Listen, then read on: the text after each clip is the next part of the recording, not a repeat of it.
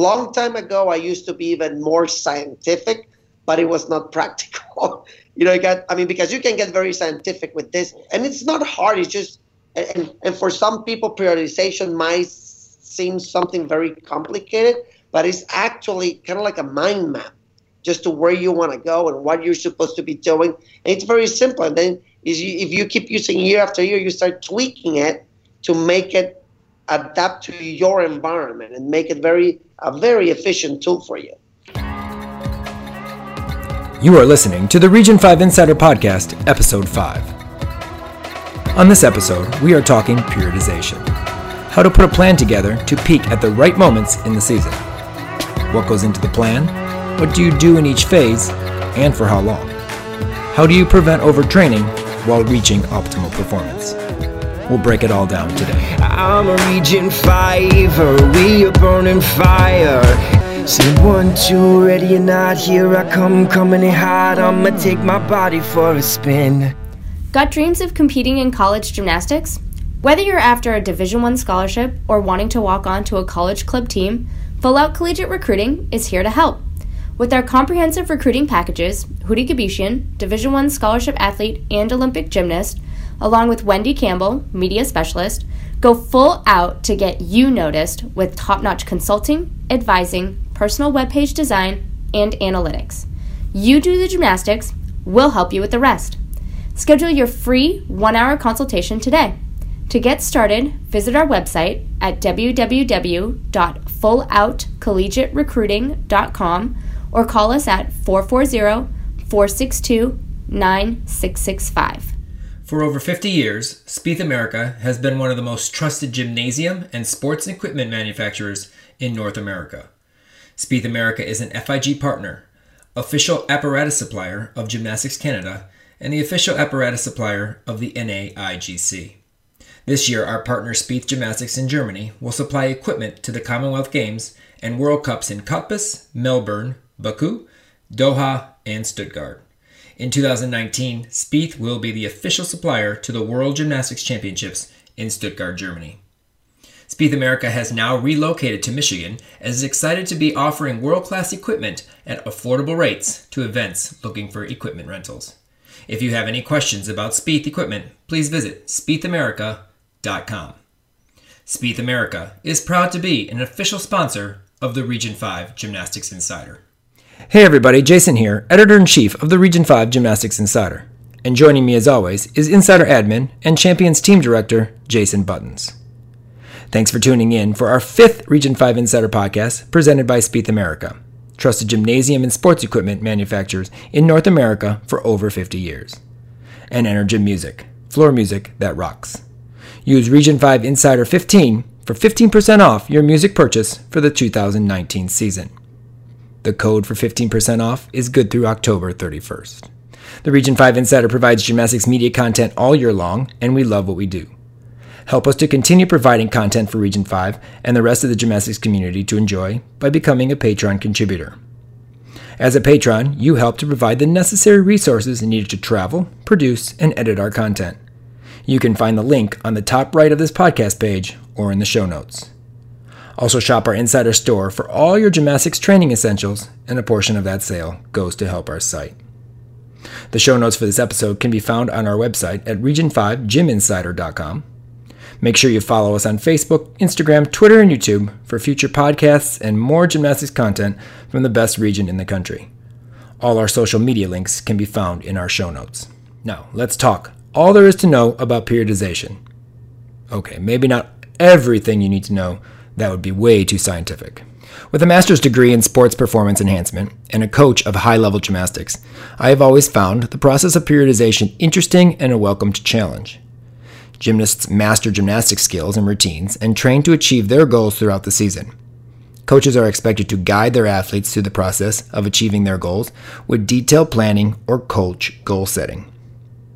It is our job to figure out how to best prepare and peak our athletes at the right time to achieve that ultimate goal. Having a good understanding of periodization and how and when to push and back off is a trait all coaches should have knowledge of.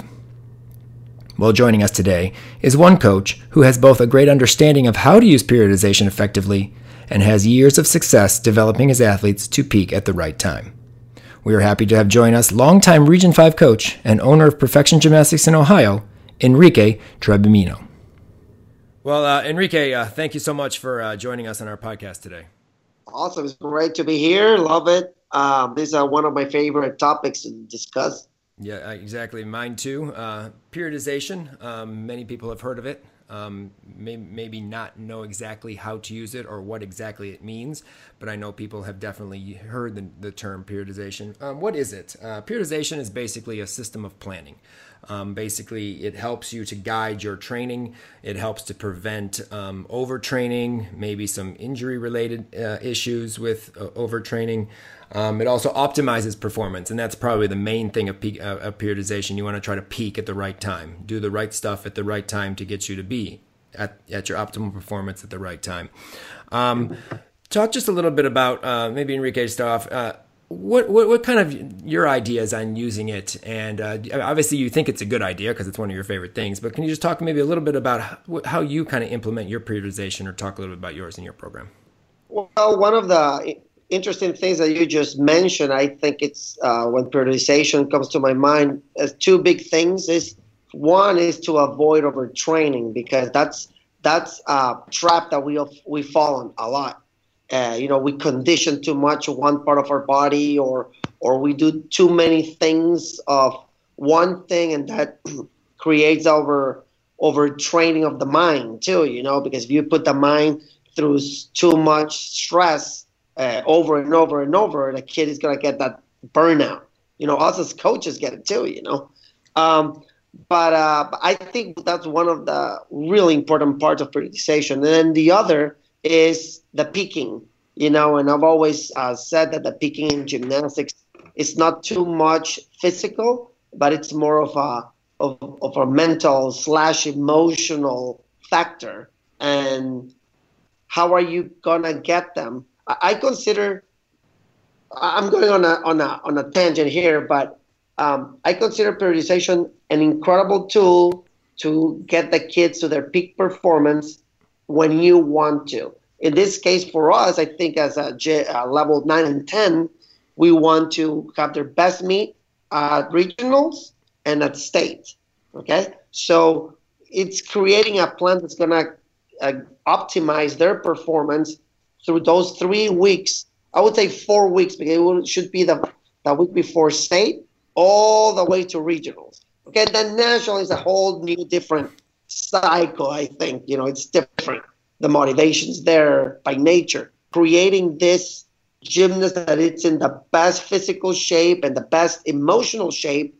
I think that's uh, for me. I find it fascinating creating this and and working all these months all the way through it. Um, I start with my week number one. Usually is the first week in August or when we start with our fall schedule, and then we go th- from there on, um, you know, all the way to to regionals actually.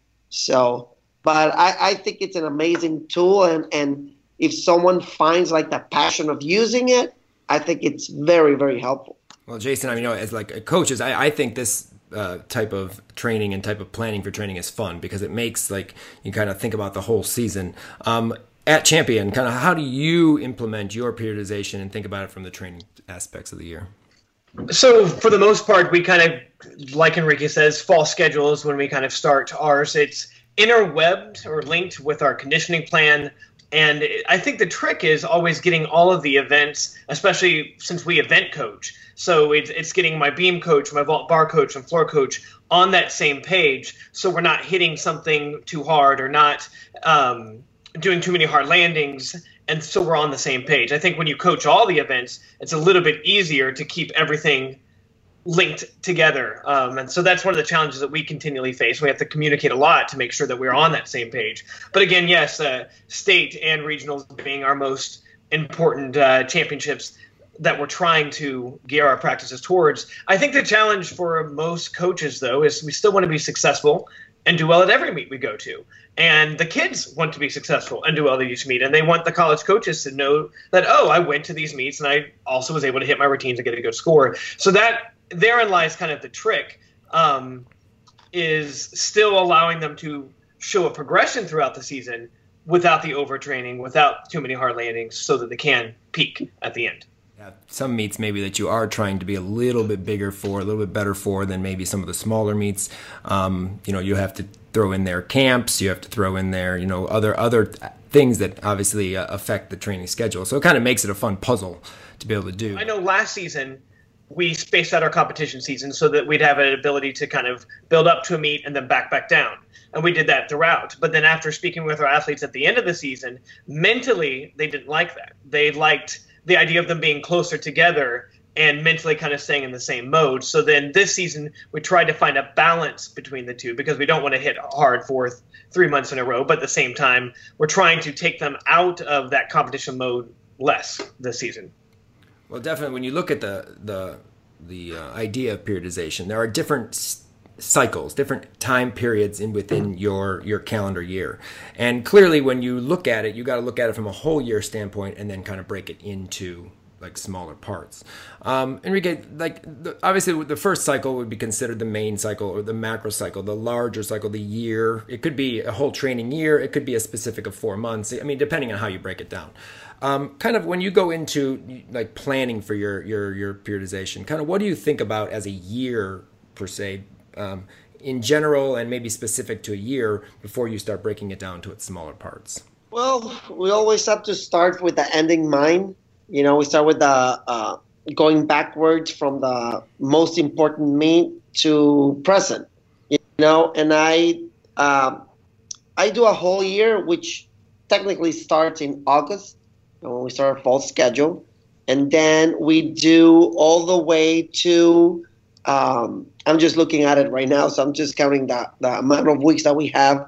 We have 36 weeks, which just doesn't sound too much, but from the first week in August to regionals, we have 36 weeks. All right, so uh, based on that is uh, how it starts, and then we go. Uh, we have three phases, which is the first one is development, you know, which is usually the first 11 usually summer is a developmental, uh, you know, uh, uh, cycle, working on conditioning, new skills, all that stuff. But then I finish that mid October, and then we go into pre competitive mode, which is uh, that's our mesocycle. Uh, development, then pre competitive, and then we go into competitive. Even first meet is in pre competitive uh, mesocycle. So uh, once we go into competitive, which is after the first meet, the second meet, um, you know, it's just focusing on all the details of competition and all that stuff. Uh, and I find it pretty good uh, because the kids know about this and they know that, for example, right now they don't need to be hitting perfect routines. You know, they have to be focusing more on, you know, getting one of the skills to its best amplitude or get it to handstand or start putting their balls in into landing mats, you know, rather than just going on the foam. So every single um, mesocycle has a very particular uh, goal and a very particular way of operating. For example, right now they they do routines on bars without dismounts, and for example, if they have to do two or three, I'm, I'm not expecting them to be perfect. You know what I mean? But I'm expecting them to make them. You know, and then we start focusing a little bit more on the details of the handstands, of form, you know, stock landings, you know. Um, so, so that's pretty much how I break it. It's just three simple ones. Long time ago, I used to be even more scientific, but it was not practical you know, you got, I mean, because you can get very scientific with this, even with the numbers of elements that they do. I know that the Cuban system, where I learned this, uh, is way, way more complicated, but I find it that it was maybe for two or three athletes, but when you're training 50 athletes, it is, you have to be a little bit more general, more, uh, uh, a little way more simple. And it's not hard, it's just, and, and for some people, periodization might seem something very complicated, but it's actually kind of like a mind map. just to where you want to go and what you're supposed to be doing. And it's very simple. And then if you keep using year after year, you start tweaking it to make it adapt to your environment and make it very a very efficient tool for you. You touch upon something I feel like is super important is making sure the athletes are part of an understanding of what the plan is and expectation.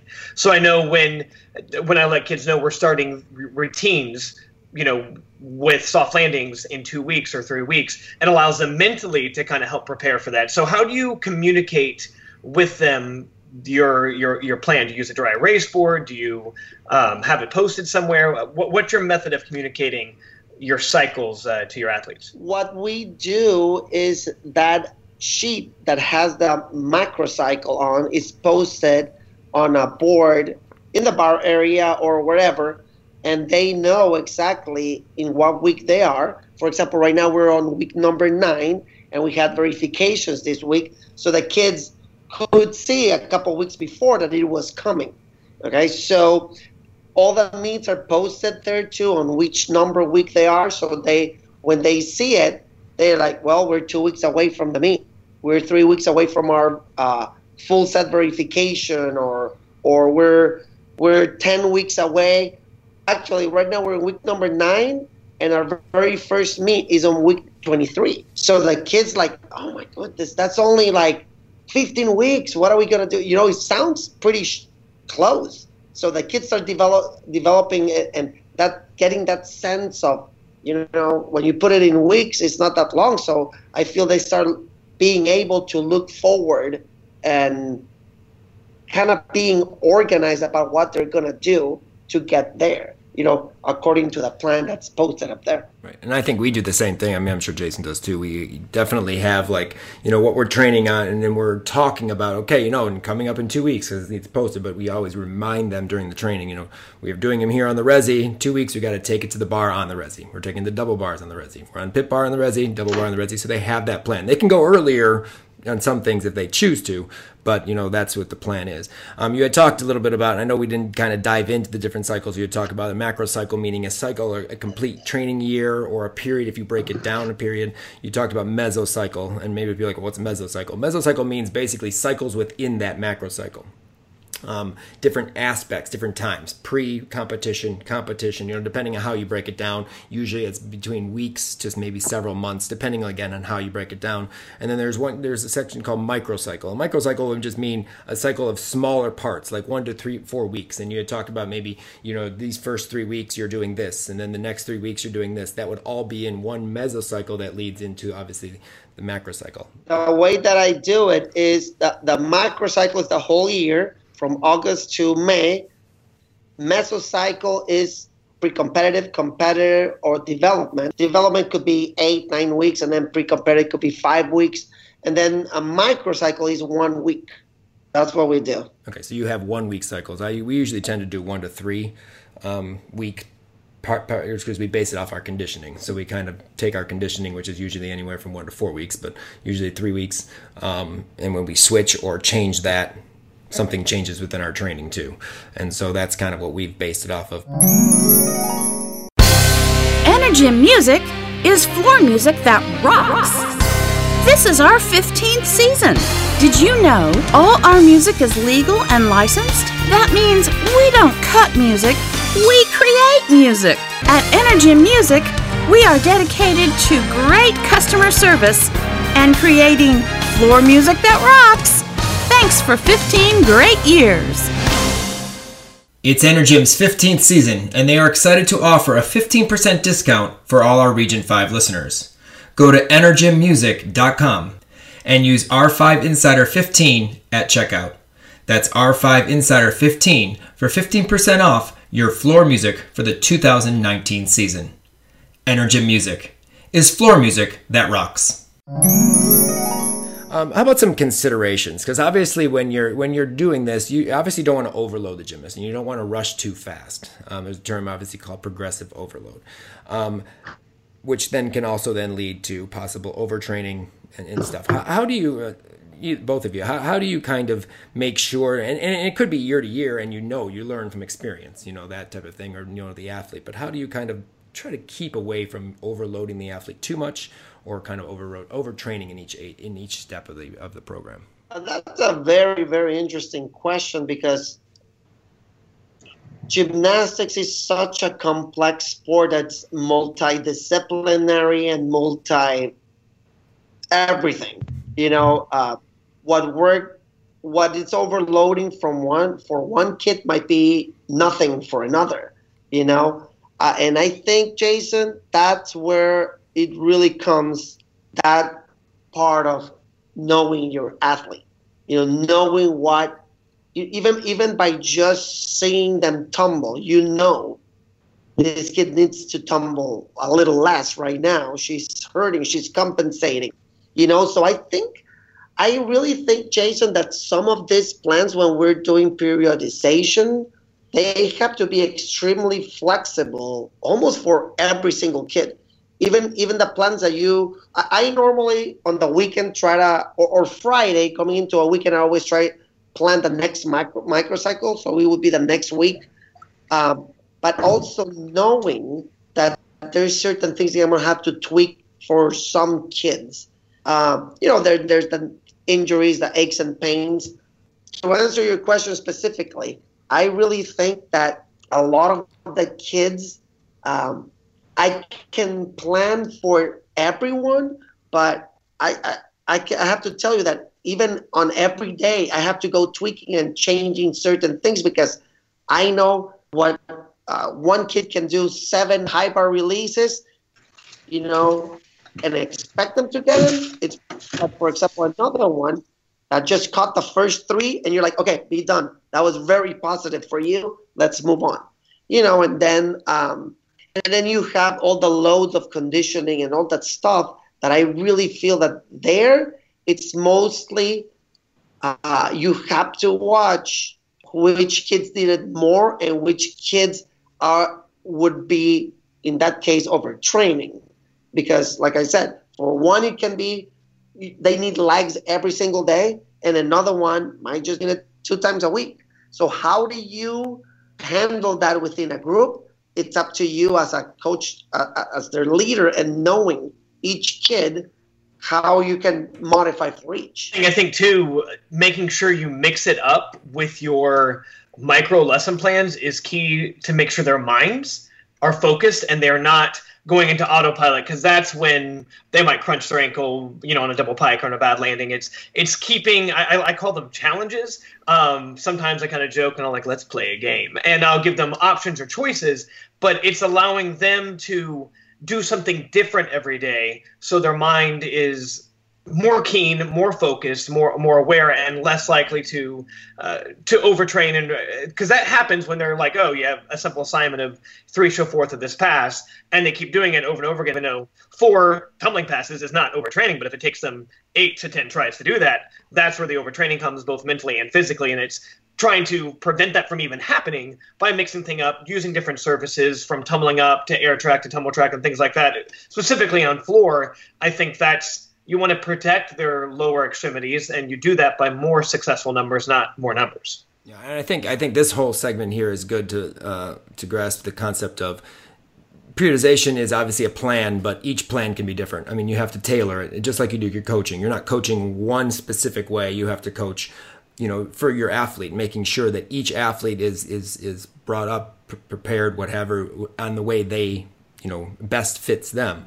And i don't think you can you know completely take all of what your plan is and say okay this is it this is it this is how we do it done. You know you have to kind of tailor it. I know last year we had a lot of athletes that had some ankle injuries. So one of the things we did going to this we focused all summer on better landing shapes and we've incorporated ankle based conditioning and pt into our leg circuit to help prevent that. So it's not you can't just like this plan worked last year i'm going to repeat it and do it this year. I feel like as your athletes grow and evolve so does your your plan for them because you're dealing with these athletes. And like one of our athletes she's a senior she has terrible ankle flexibility. Like she cannot do a full squat. Well of course we can't do a full squat and you land short so that so her conditioning and pt has to be catered towards her body type etc and that will change from year to year as you have new athletes move into your group And I think that's definitely important to understand that it's not just a one way, one run road. This is how you do it. You only can do it this way. You have to look at your program. You have to look at your athletes and kind of base that off of how you do your how you do your plan to get the best out of them so we don't overload or overtrain um, and i like enrique's point where some an overload for one may not be anything for another i mean that's a good point that's the same idea you know you may have this kid can do 10 bar routines 10 beam routines whatever maybe this kid because of you know ankle issues can't do something or you know so you kind of have to you have to look at your athletes but um, in in a different you know looking at each phase of the of the of the periodization because obviously each phase has its own you know complexities and what you have to do um, the preparatory phase, or I don't know what you call your phase, Enrique. I know you said something. At the first one that you you do, um, the beginning phase, or whatever, however you I forgot what you used. What was your you your term for it? Or uh, the first phase. mesocycle? No, for your first like phase of training, like your first mesocycle. Yes. Oh, uh, we do development. Development, okay. Phase. Okay, so pre- preparatory, I call it prep phase, but development phase, same type of idea. What kind of things are you you're looking at? Things that you put into there in terms of like skill training, strength training. Um, I know this is kind of also where the strength changes from basic strength stuff to also the max strength power area. Um, can you just talk a little bit about kind of your philosophies on what you put into this particular preparation point of the periodization? Interesting question again, because through the years I've changed a lot of how I do it. And, you know, with all the max strength and uh, uh, developing the quickness, developing, um, you know, that's that power that we're going to use for vault, for floor, for all the punching, you know, all the upper body uh, strength and slash endurance that we that we use for gymnastics. Um, and, you, and, and you know what, like, like we were talking before, I really like this topic in the way that it's very there's a lot of science behind it, and and trying to find uh, a model of planning that will help every year. It's very challenging, but I've reached a couple conclusions um, conditioning, you know, doing max strength and all that stuff and getting really scientific about it, I really believe it is for certain sports, which is not gymnastics. I'm going to tell you why. Um, marathon runners and uh, swimmers and sprinters uh, or, or long distance runners, they have to train. Those are more body performance oriented sports. I really believe that gymnastics, even though it's definitely body oriented performance, but it's more the, the, the, the, mental part. I feel once the body uh, passes a threshold, uh, like it gets into a zone of fitness and strength, they can do any skill. Okay? Um, so I, that's the way I've been trained. just getting the kids into a fitness zone where they can do vault, beam, bars, and vault. Okay, and nothing much more. Now, I strengthen more upper body. I love strengthening, uh, uh, you know, the punching muscles, hamstrings. But I, I don't do it anymore in a way of I'm going to do max here to transfer to convert it into this.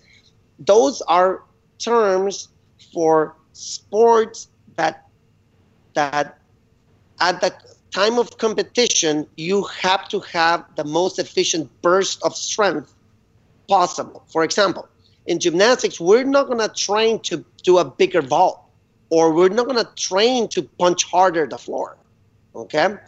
We're going to do exactly the same exact thing we do in practice. So, for example, on bars, I don't expect the kids to put more more effort in their bar routine at the meet than in practice.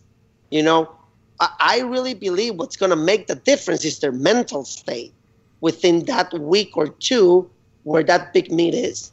Um, for example, uh, swimmers, you know, the 100 meter uh, distance or the two laps, you know, they they're trained. Their their training has been scientifically designed so that day when they put their maximum effort, uh, you know, moving their arms, that it's going to be the most efficient gymnastics. I don't want to think like that. For example, vault, we don't even need a full sprint on vault. We don't need all the power. We just need 70, 75% of their power. Okay? So so that's what I've been training. So it's gymnastics, I feel it's a zone of fitness where you have to be in order to be able to perform uh, what you're supposed to perform. So that that's I know it's a little bit goes a little bit away from what you know everybody's been doing and maxing this, maxing that, and then conversion.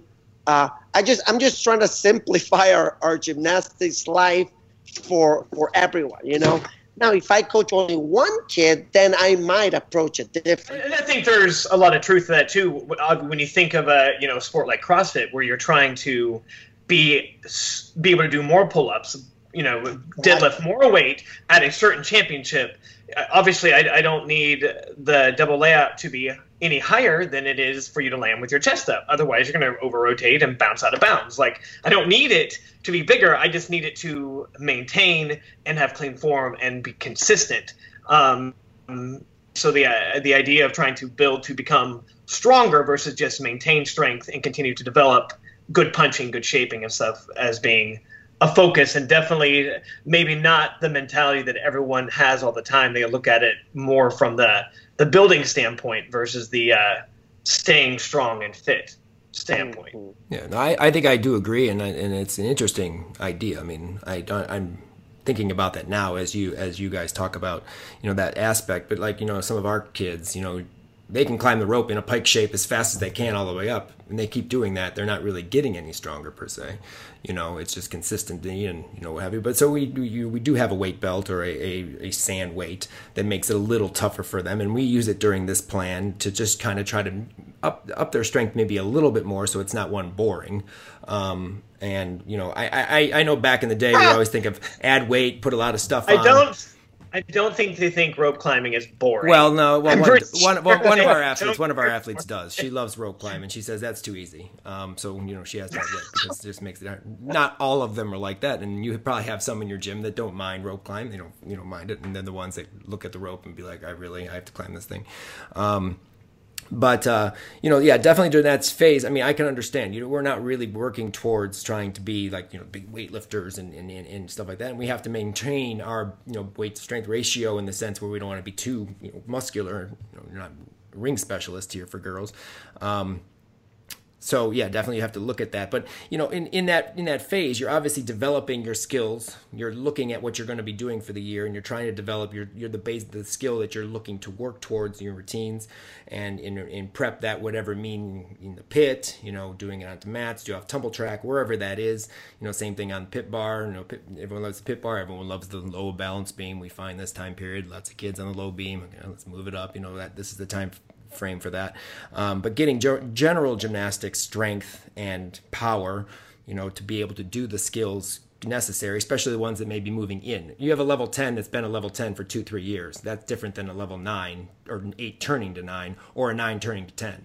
You know, you do have to do a little bit more sometimes with those athletes to get them a little bit, you know, stronger, a little bit more quick yeah. than maybe a 10 who's been a 10 in a while and has been doing a full in on floor for, you know, years and they're just maintaining as Jason said, maintaining that level. You don't have to be more strong, you just have to make sure you don't get weaker, you know, in that sense. Um, but obviously, from there, we you know you talk about conversion, not making it a you know big deal, a scientific thing, but converting basically mean converting what you're doing in your strength to make it ready and work towards routines and doing what you need to get to routines. You know, obviously transition from building from combinations to half routines or from you know just doing skills on floor to endurance sets on floor and getting the, the you know the, the dance. Maybe you've been doing dance throughs during the year or during the summer but you're moving it into layout routines and endurance routines. So you're kind of building towards what it's going to feel like to do that optimate routine in the competition phase. What are some examples you guys have in terms of what how you quote unquote convert your your training your summer training your basics training your prep training into leading up to routine training? Uh, well, um, I think I, I just had this conversation a couple days ago, and I feel if we're talking about higher level gymnastics, like level nine or ten, especially kids are repeating a level, let's say a level ten. I I believe they should be able to to have their full routine year round. You know, in uh, without a of, of course. You know, and that's how we work it. Now, of course, there's kids that are learning new skills, and then we start plugging away. But the best way to convert this thing is to have a basic routine that they're that that's going to be their B routine, you know, in case some of the skills don't work, and you you do that, okay, at parallel to the way you're training um, these other new skills that you're hopefully going to plug in there eventually. But I believe very strong that the most important thing is that basic routine, your fundamental routine, uh, that's with not too much difficulty, but or the skill that they can always do. You know, um, put them together, keep doing it year round, two, three days a week. Not big numbers, but it's something just to keep them on the rhythm of, of doing a routine. Um, for now, example, are you are you speaking mainly of bars and beam or floor and vault as well? Oh no, I was no, I was talking. Sorry, my mind, my bar, my bar mind there went in. um, I I think, for example, vault is different. You know, you don't want them to be landing, uh, you know, hard landings. I think I think having the mentality of keep challenge them of vault. For example, do your vault up to a Resi-Pit, but it's very soft resi. You know, higher than higher than competition landing. You know, uh, floor floor it's different. You know, you can go into the resi too a lot. You know, and um, I do think that that's that's the one that requires more of a methodical introduction of when you're going to be putting uh, things on the floor, and that's where I think the planning is the most crucial for floor. Floor is crucial. The other events, I think you can be performing. They can be doing beam all year long, all their skills. You know, on a high beam, uh, vault they can be doing their ball to foam or to a very soft landing. But floor is the one that's challenging because it requires a little bit too of really it's not endurance because it's not scientifically endurance. It's just you know the floor gymnastics floor endurance. They still need that. Um, so so the way that's where I feel the plan is the most useful. You know to see how you gradually start getting into into routine shape. Uh, you know, when are you gonna take them out of the Resi-Pit? How many times? How many landings are you gonna permit them to do? Whether they're doing a double back and they roll, do you count out? Do you keep going until they stick it? All those things, I think, those things have to be planned too. Is it today gonna be a day where they have to make five, but if they end up if they don't make them and they roll back or land short, am I gonna keep going or is it just the five that we're gonna do? So those are things I think are crucial for floor. Which it, it, it's your question, you know, how to how you start transferring into into competition mode or you know. Uh, I think you have to be very detailed with the plan, especially for floor. I think the other events is not too much of a of a hard thing, but but floor is very hard. Yeah, I know. I the we do it for floor is, and I know we were going to talk a little bit about the specific events in a second, but you know, trying to get that conversion because it is not endurance, but the girls think of it as endurance, and I know a lot of coaches say, "Well, we got to get that endurance up." So in my mind, I say that, even though I know that it's not really. You don't get into that the aerobic um, part of your of your uh, your body, but. Um, you know, I know what we do is we obviously the last pass, especially for a level ten, if you're trying to do a D, you know, you that's the one you have to get going, you know, and get developed quicker because obviously it, it's easier to do a first pass. I mean, you do a couple poses, whatever, and you do your first pass. That's easy. Um, sometimes the second pass may be a little challenging depending on what it is, but usually that one's not as bad. It's that last one if you're especially you're doing a double back or a bigger pass.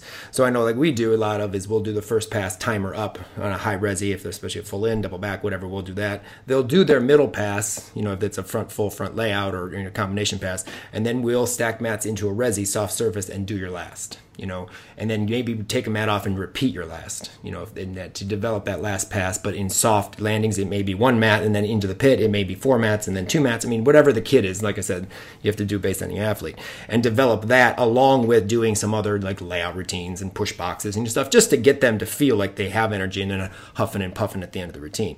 I do agree, floor I think is one of the hardest, although I have had challenge with bars if their routine is changing. Um, Correct. And I know I, I do try, we try to use a, a skeleton routine. If you're not going to change the routine, like when our Cassie, our level 10 is not changing a routine. Um, so she does routines. It's not hard for her. So we're working new skills, but even though we're not using them, um, because she can already do it so that that standpoint but when you're going to change a routine sometimes that's harder. Or you again you're moving from 9 to 10 your basic routine in level 9 isn't strong enough as a basic routine in level 10 you have to add stuff and then getting that endurance to be able to do that. Or endurance the bar endurance per se. Um, i think it's great to be able to do what i say on bars is the endurance routines where you're doing a little bit more skills, but they're all basics. You know, the clear hips, the, cast handstands, the giants. If you can do a blind front giant, front giant, front giant pirouette, you know, whatever the kit is, to develop maybe just the the, the, the amount of time you're going to be on the bar and the amount of you know, obviously your muscles, your arms, your you know shoulders are working, but not necessarily the skill itself to help to develop that. And I don't know if that's something you guys do too, to kind of have. I know Jay, you don't really coach bars, but I know that you're involved, obviously the director of the program. What they do in that sense to be able to help kind of develop that in that area on bars. Um, vault and beam are pretty much, you know, yeah, you're doing your skills pretty much all year long.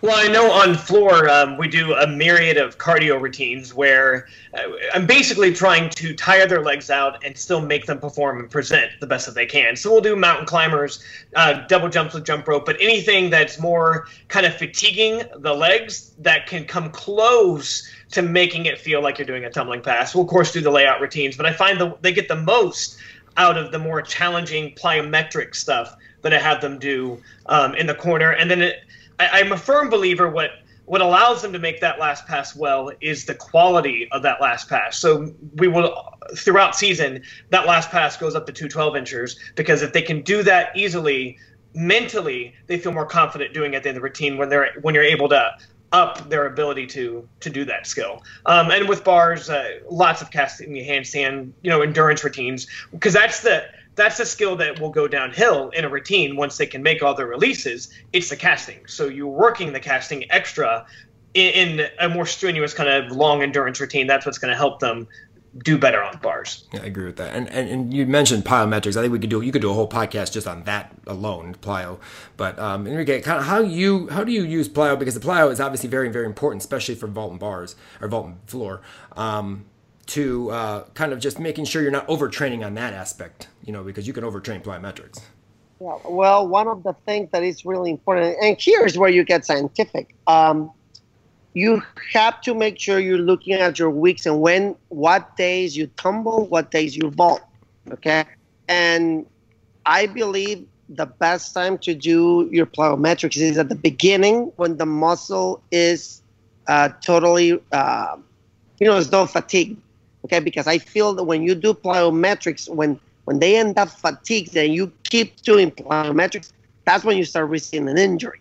Okay. But if they're fresh and they come and warm up, that the the effect that plyos has on their muscles and that connection from their brain to the muscle, it, it is the most efficient because they're not tired.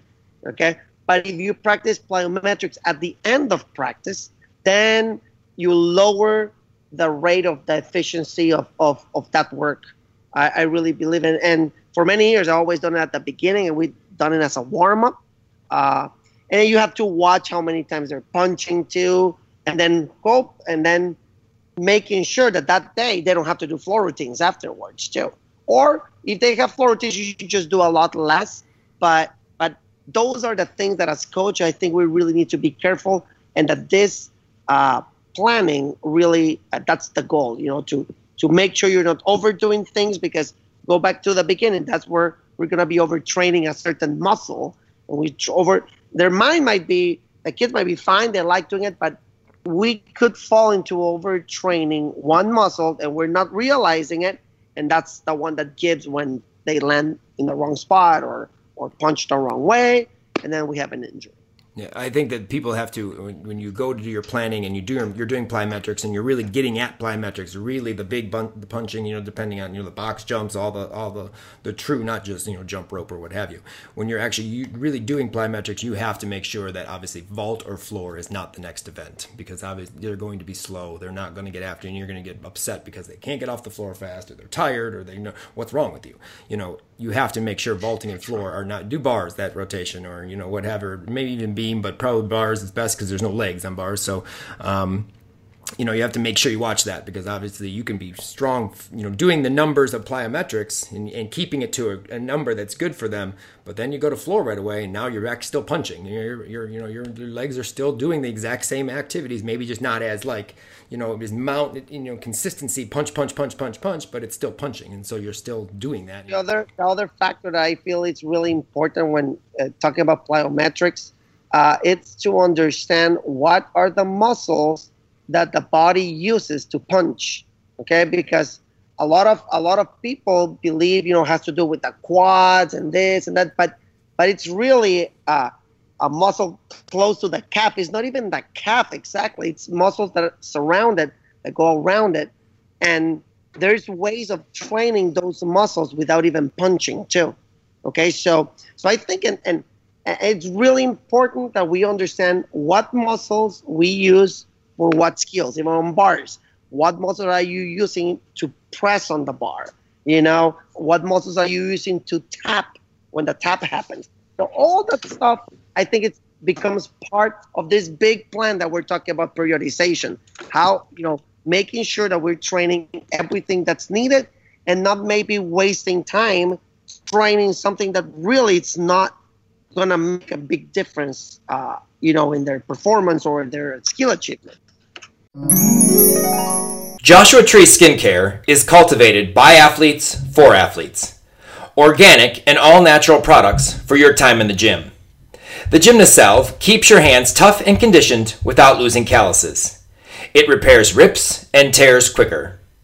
Joshua Tree is a product I wish was around when I was competing. Our athletes at Palmer's Gymnastics and many around the region use it regularly to keep their hands bar ready.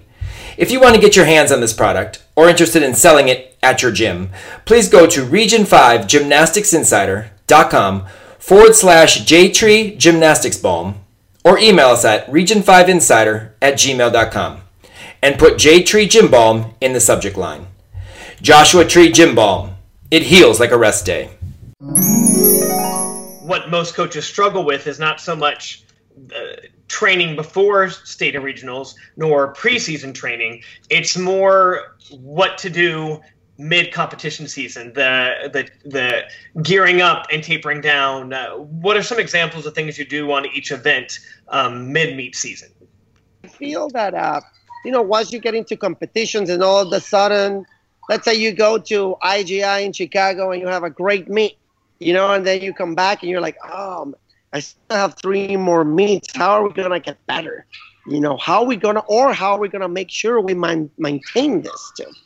I'm a big, big believer that physically the changes that you can do in the gymnast, you can do a lot of a lot of things for a very little change through time. In in two months, is very little change that you can make. Okay so what I focus on once we start competing, it's all about their mental state. You know, I, I really feel unless you have a kid that's come from an injury that, you know, definitely you can see that the physical part still needs to catch up. But ideally, I would like the big majority of our athletes, once we start competing, they're already in that fitness zone and uh, where they can block, they can punch, they they have the the stamina for every routine. You know, that's I want to think that that shouldn't be an issue unless kids have had an injury and they're coming back. But w- one of the things that I focus the most once we start, and I've learned it many many years ago. Come January, it's all about their mind. You know, it's uh, we do a lot of uh, activities. For example, before state, we make sure that their mind is at their peak we do activities for them here at the gym. We do spirit days. We do things, anything to pump them up in order to be, you know, with that mind in the best state possible. Um, they can get bored during season. It can the, the boredness can can get there because you're just routine, routine, routine. And then as coaches, we see some routines that are starting to drop in performance. You start seeing that especially the choreography on floor, you start seeing it that the kids are like, ah, I'm just gonna move my arms here and there, you know? And that's where I really believe comes the motivation level they have. And that is created in their mind, it's created by the environment around them. So I think at those times, the coach becomes more of the mental support, the motivator, the making, creating the excitement every day. Once we're in the competition season, I believe that the, the most important part there is keeping their motivation up, keeping their their their will to bring all their energy into every practice. You know, and that's I think it's really created by by uh, you know the motivator, which would be the coaches, and try to keep an environment of of excitement. I really feel that's what makes the difference during the season because both of you know, I mean, you come back from a meet and we did great, and then the kid knows that they don't have to put too much effort on Monday and Tuesday. They just gotta start gearing up on Wednesday in order to compete the next weekend too. Uh, and there are things that can make a big difference that you can do on Monday and Tuesday. You know, so so I believe that that's uh, you know once you're in competition season, that's at least I I flipped the switch of motivator rather than technical coach. Um, you know, competition phase obviously is the is the most important. It is the shortest if you think about it in the aspect of you know, the whole training period. It is not very long, depending on when you start. But a lot of people do January to you know May. Um, you know, there's there's depending on you know how many meets you because you're only really competing in six meets, seven meets, and then you have regionals and nationals. So it's not like you're you know training and competing every single weekend for the most part. So it, it can be a little bit smaller if you look at it that standpoint. But you know from the standpoint of making sure you're peaking at the right time and you're doing what you have to do to do good routines. What are your thoughts on some of the things where you prepare yourself mentally for what you're going to experience at a competition like a regionals. You have to sit out for 25 minutes because you can't you, are the last kid to go up and you've warmed up 20 yeah. minutes ago. You know that that's type of aspect. that's an excellent point and and i think that's we we've trained warm up and then wait 15 minutes uh, before your routine. And that day all you have to do is two routines. But you warm up if you you know you do your your routine for warm up and then you stop and the timer starts 10, I think we've, the maximum we've done is 15 minutes. And the assignment on that day is just do that. You know, just wait for 15 minutes and do your routine and hopefully you'll hit it.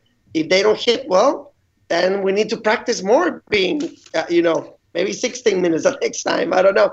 But, but it's, uh, yeah, that's definitely something we, we, I make the best effort to prepare, but you both know as coaches, the hardest thing to do is just sit there and have the kid do nothing.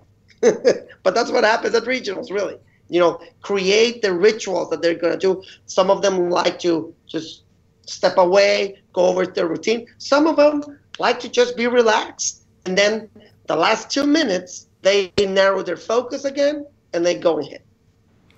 What about from the standpoint do you do for um, like routine numbers based on the year? Like some obviously routines, there may be more routines in the beginning of the competition season, maybe a little bit less, you know, numbers per per day on the uh, events as you get closer to the meet or the big championship meet. You know, what are your thoughts on in terms of numbers of routines that you're doing, and, and let's say bars, because you're not doing a lot of floor routines back to meet. For the most part, you're probably not doing a lot of pounding floor routines.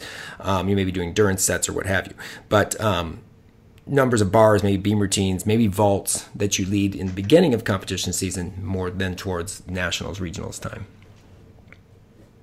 You know what I I feel that the least amount of changes that you can make from the beginning of the season to the end, it's the best thing. For example, if your kids are used to, you know, on the hardest workout day that they're going to do five full sets of bars, uh, I don't know, three sets of vaults, you know, and if it's working, it's it's so I I really think you know, bearing any aches or pains or stuff. But if you could have the same exact kid all season long, getting to state and, and regionals, I wouldn't. Uh, I don't like to change too much.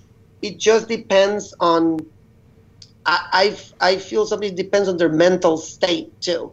Uh, not much. This is not about physicality or or performance. I think it's more about where's their mind now. Are they feeling fully confident? What happens if you give them a really high number and they end up not being successful that day? You know, you're going to kill a little bit of that self esteem. Now, there's those kids that cannot live with themselves if they don't do five routines on that day. And then there's others that if you have them do five, they they get too spent, you know, uh, emotionally too which hopefully you'll never get to that point. But but numbers, I always like to stay anywhere on a daily basis, stay anywhere between three and five bar routines. Now there's kids that do double practices that can handle more. Uh, vaults, I think, you know, if you, it depends on the vault length and the on the, it depends on the surface that they're vaulting too.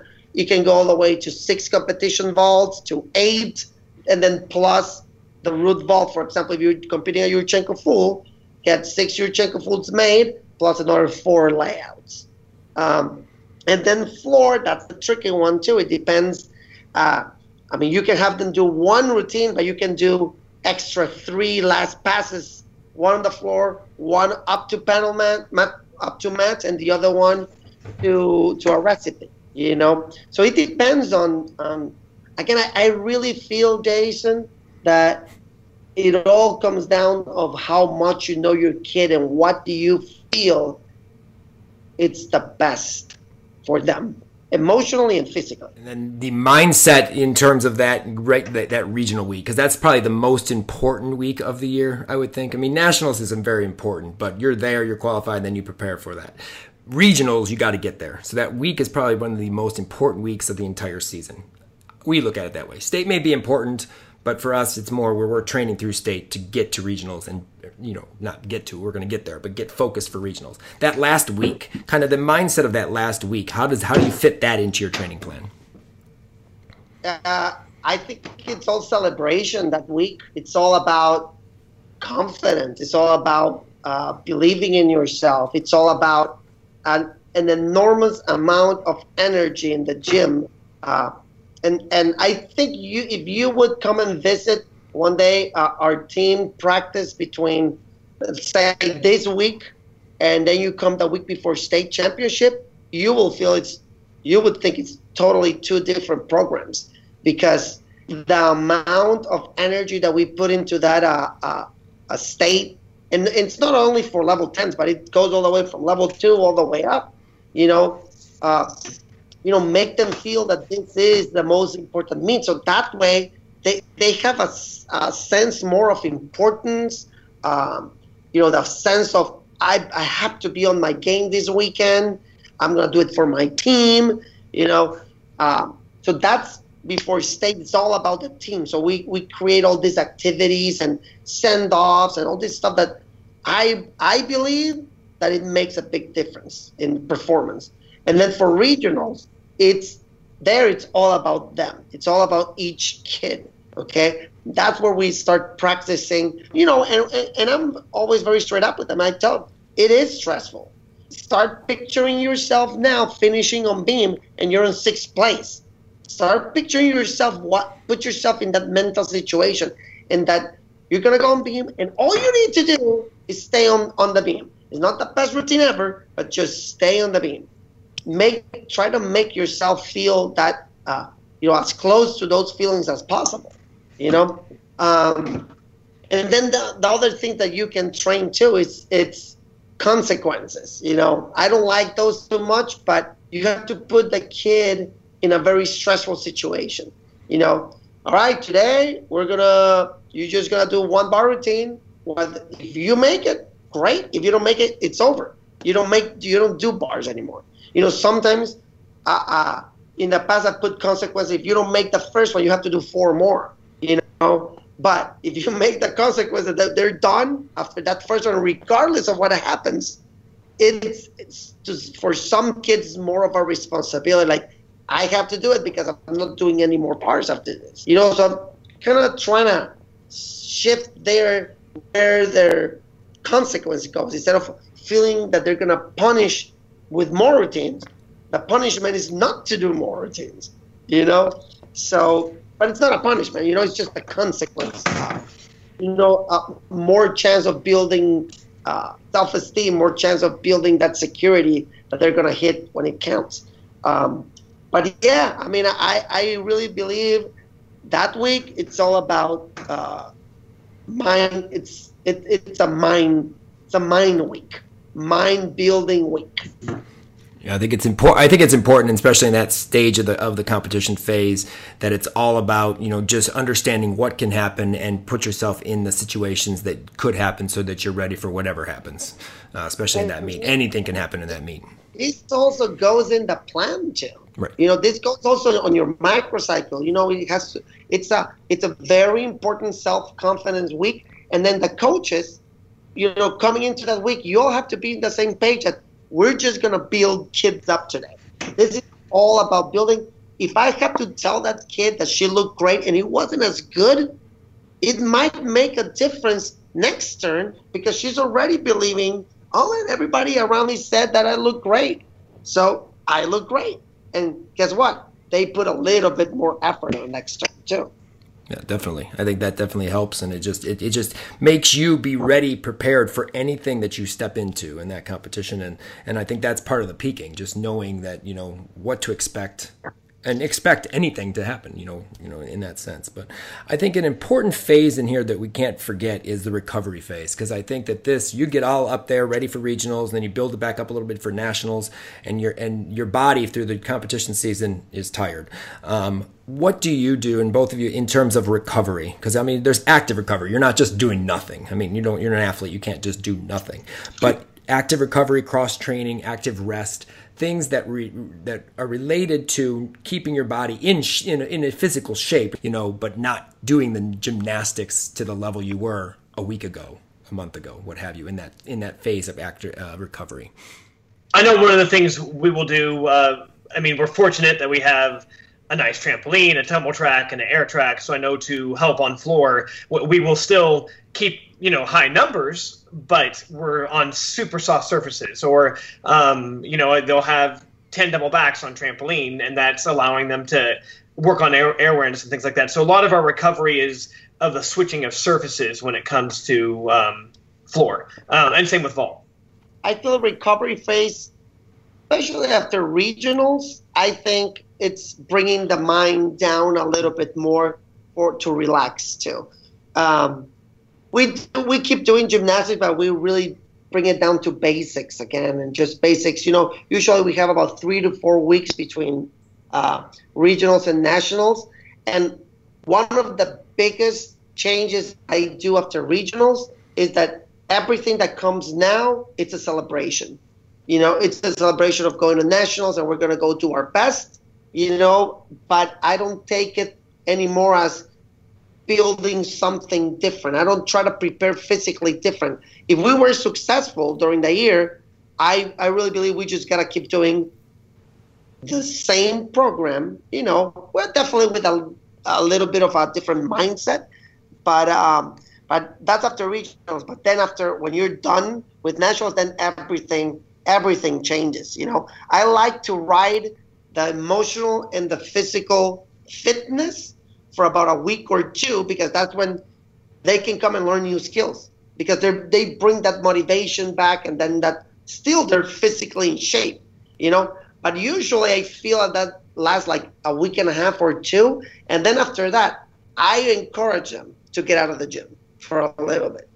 You know, I, I really that I really feel that these kids need to have a good week or two weeks off to really change their mind, you know, do the things they're not able to do, yeah, even eating and just just relaxing a little bit. And then once we start back in June, it's a new, you know, it's a new everything. Uh, you know, rested, and then you start little by little again, and that's your new uh, macro cycle right there. Yeah, we do have a week phase. We have a week uh, off prior to summer training. We have a week after summer training to before fall. Um, and that's definitely we don't have any gymnastics. They don't come in the gym, and so I know that's definitely active rest and, and trying to you know recoup for the next phase of our of our planning.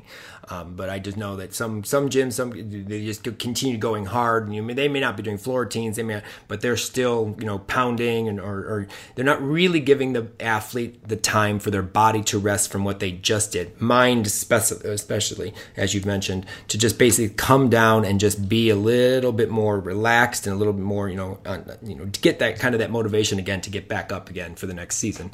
And I think it's important that there's some type of activities, you know, you know, special games possibly during that time. Trampoline, I use trampoline a lot during that time period. You know, you use the pits, you're tumbling into the pit, you may be tumbling on a tumble track or one of the air floors into the pit, softening the, the numbers. You can still doing the exercise, do still doing gymnastics, and then maybe yes, again, take a week off, give yourself rest and then come back and, and, and challenge it again.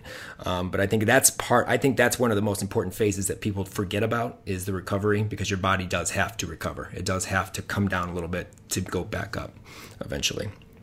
Um, really quick are there any age concerns do you think do you think of differently i mean obviously you're working and we're thinking more towards 9 and 10 you don't really necessarily you know you do a you may have this type of plan in compulsories your compulsory kids may or coaches may do this you know early optionals but is there age concerns that you think about as you're as you're doing your plan you know from maybe even the nines and tens because you have maybe nines that are seven years old versus your tens that are 16 17 years old? Um well i well, actually what comes to mind when thinking about that i worry more about our older kids that are doing compulsories that have started the sport late and haven't don't have the strength and flexibility to kind of keep up with their skill progression. And it's more about modifying assignments and numbers for them so they can continue to be successful without injuries. I, have found that our younger guys, as long as we continue using kind of the same plan, they end up progressing through the system fine. It's it's those older kids that we're trying to modify to keep them in the sport longer because they don't have maybe the strength or, or flexibility. I do know from a conditioning standpoint, our whole program tries to use the same conditioning plan that our optionals use, just modified down with less weight or with resistance or different things we try to keep our compulsory program optional program very similar as far as the periodization goes. The conditioning plan that I designed that we use is trickle down and modified even with our level ones and twos. They do the same kind of shaping drills and focuses as our nines and tens do. So uh, it, again, like I was saying, the the younger guys typically don't run into problems w- with injuries or overuse as much as our older athletes that have started kind of late. And they're the ones that we keep an eye on to modify and change because their bodies haven't adapted over time to all the conditioning, flexibility, and strength, and they kind of came into it late. It's really interesting, you know, to to hear Jason talk about this all the way uh, from the compulsories. Um, you know, it depends also on the amount of hours that these little kids train uh, versus a 17, 18 year old. Um, you know, it. I think little kids, especially because of the amount of time in the gym, are able to take a little bit bigger loads of conditioning. You know, uh, I always like to think that our compulsories are working more on athletic abilities rather than gymnastics abilities first. You know, teaching, learning how to run, jump, skip, punch on one foot, sideways, backwards, uh, how the difference between jumping and punching, you know, all those things. Um, we don't. I, feel like I don't get to uh, plan wise all the way down to to level two and three. You know, I I just I just want them I, year round working on all these athletic abilities and I, I know that it's going to trickle into their gymnastics ability later. You know the but but you know what the amount of shaping uh, actually has to be even more than what the older guys do because that's where it starts. That's where it becomes a habit. Okay, so so in level two, three, four, you're creating habits, and you wanna like hit the same thing a lot more than what you do with the optionals for example, those plank shaping, head positions, uh, handstand shaping, you know, the uh, uh, back walkover, front walkover, you know, the limber part. those are the things that I focus on for for the younger kids, and it's year round for them. I don't think uh, they train too little in able to to be to differentiate too many uh, different faces. Uh, I think that that the big there's two for them: development and competition. I think that would be that would be pretty much. And, and I think too, when the beginning of the season starts, they're already near their peak because the skills are so easy. So it really becomes, from a coach's standpoint, you begin whenever you start competing with compulsories with fine tuning, and you do that throughout, and then the motivation aspect goes in, getting them motivated to fine tune by dangling, you know, working carrots of new skills or things like that, so that they're able to quote unquote peak. Um, because it's not like their performance is that much better; it's just a little bit, little bit cleaner. Because you're just really cleaning their skills versus, you know, trying to get them to hit the best routines of their season at, at state. It's more you're hitting your cleanest one because they can usually always make the routine, other than maybe Beam. Beam is probably the one that they don't make and they're trying to make by the end of the season, but they can always make their floor routine and their vault and, and their bar routine. That's not an issue, especially if you put kids in the right level that like they have their skills. So it's just making them better, and that's more like Enrique was talking with his optionals. Motivation is key with the compulsory periodization. My, my only thing is, and I know I, I deal with this and we're dealing with right now, is, you know, looking at the athlete from the pers- perspective of, you know, your, your younger athletes, you think they can do more because they're younger, they're agile, they're more than, versus the older kids who may have been along the sport a long time. But you have to watch out because I know, especially in like level 9 and 10, 9, especially on bars, the bails, you know, a lot of the bail work or blind changes, if you're doing that, a lot of constant repetition, you start developing maybe elbow issues. Um, you know, you think you can do more, you can do more, you're younger. You, I think that's one thing that we have to watch and just know that they may be younger, but that doesn't mean their bodies aren't going to, you know, fold. You know, you have to be able to be strong, and that's why I think the one thing with you know up upping the conditioning a little bit, not necessarily you know overweighting them, but making them a little stronger. Have you dealt with that, and how do you deal with that, Enrique, in terms of that type of thing, where you know you think they're little, but they still they can still break just like an older kid can. Yeah, I think I think sometimes we confuse uh, excitement with energy. You know, sometimes when we have a little kids that have high capabilities of, uh, you know, and abilities of learning new stuff, and we usually confuse their excitement with, oh, they, they have so much energy they can handle it. Okay, and that's where remember these kids are growing. It's uh, you know they're, when they're growing is when their their bones are in the most uh, um, you know in a in a place where they could get injured easier. Their, all their growth plates are open, you know, the soft tissue. So that's where we have to be able to understand what are the things that they can put in more numbers of. Like you said, a shoot over. You know, a simple side, a shoot over when they're ending on a handstand, oh, it's a shoot over. But the elbows are taking a big load right there in their back too. I, I think I think also younger, higher level athletes are less aware of their body. So, I was speaking earlier, I was definitely talking about younger compulsory athletes, but younger optional athletes uh, are difficult to coach because they aren't aware. They haven't usually gained a voice yet for themselves. Um, the sixth, seventh, eighth graders are less likely to to speak up as your eight, nine, 10, 11, like the older kids will speak to you and communicate. And I feel like um, that's the challenge is being able to be aware of the numbers they're doing, be aware of their strength, and be aware to when they're off. Because chances are it's an injury that they're possibly not communicating with you, or they're not even aware of, or the severity of how how bad it is. Also has to do with, you know, you have a little kid that's very powerful and can put in ten double backs, and you're working full-ins and all that stuff, and you have to start real remembering about this. For example, that all these growing bone issues you know, that happened. And then all of a sudden you overdid it a couple days and then, you know, you start suffering for another two months. And just because you were, you didn't remember that stuff too. So, so I think as coaches, we have to be very uh, well informed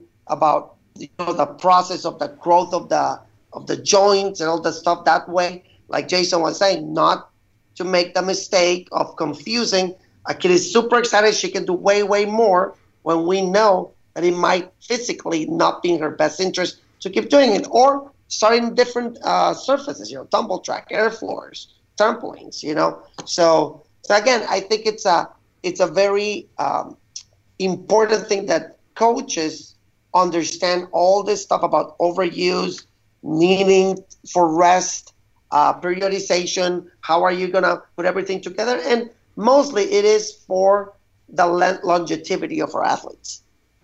And, and I think this is even a risk in the summer because learning new skills is fun and they want to take those extra turns, but maybe they shouldn't be. You should still be using soft surfaces throughout the summer.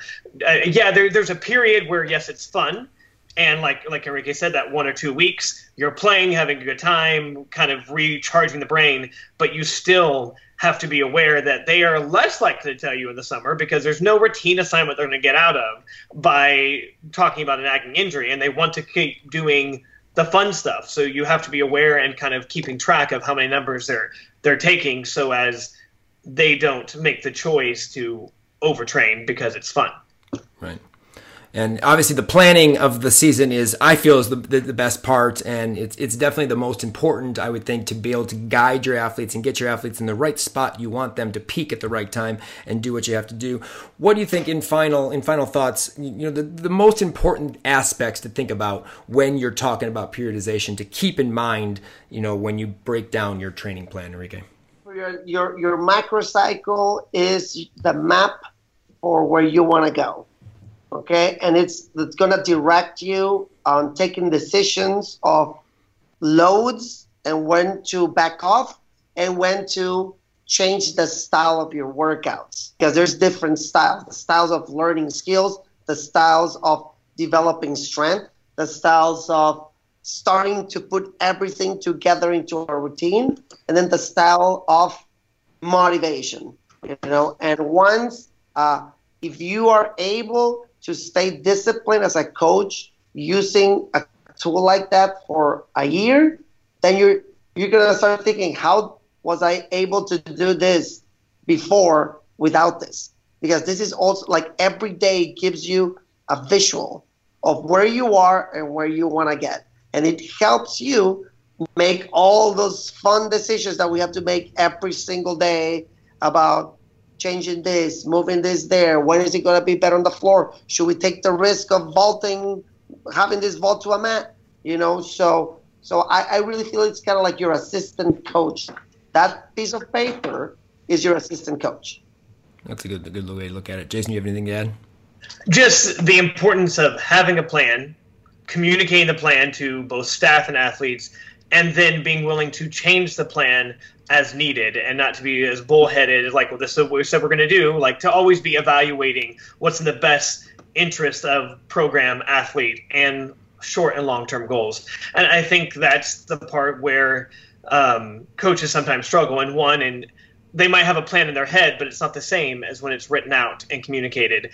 And they do have it written out and communicated, and that, that makes them want or compelled to follow it and not make tweaks as necessary uh, because um, the sport isn't always black and white when dealing with the, the mental and physical aspects in it. You have to be flexible and understanding. Well, I think it's a lot like goal setting. Like I talked to the high tech and high performance kids at camp last weekend, um, that you can have a goal, that's great. But if it's not written down, you don't have a detailed plan or a plan for yourself just throwing it out there and having it in your head isn't going to you know make the best of your performance or reach your goals that you're looking to do. So in this sense it's like a goal plan for the coach to be able to plan the athletes to be at the, at their peak and reach their goals when they when they get when they get to that point. So um, I know I, like I said we love this topic and uh, Enrique you were one of the first that we considered uh, to have on the show to uh, talk about this topic. We know uh, how much it means to you as well and we appreciate you um, coming on and joining us uh, to talk about periodization and try to help coaches to kind of make sure that they can help peak their athletes and get their athletes in the right place at the right time throughout the competition season. So thank you so much. Appreciate it. Thanks. Thank you, Thank you for inviting me. I think uh, I hope uh, I've got a lot. I wrote a couple notes here so I can start changing some things. So thank you very much for inviting me to be here. Well, good, and good luck to uh, perfection this this year. And I'm sure we'll see you uh, at the regional time, and hopefully all this plans out for you, and, and, and everything fits right in that regional week. All right. Thank you. This past weekend, we covered the Region 5 High Performance and High Tech Camp from the University of Michigan. Region 5 has a lot of talent as usual, and it looks to be another fun and exciting season in Region 5 this year. Thank you to Tumbl Trak and Full Out Recruiting for sponsoring our coverage. Check out our camp coverage page for archived camp sessions and photo galleries from the weekend. We will have more content from camp coming at you soon. Again, we love what we do and would love your support by becoming a patron or shopping for those gymnastics necessities in our Amazon store on our website. Links to both are in the show notes. Follow us on all our social media accounts for up to date information on what's going on in Region 5. If you have any questions or comments, etc., please feel free to email us at region5insider at gmail.com or leave us a voice message on Skype at Region 5 Insider Podcast.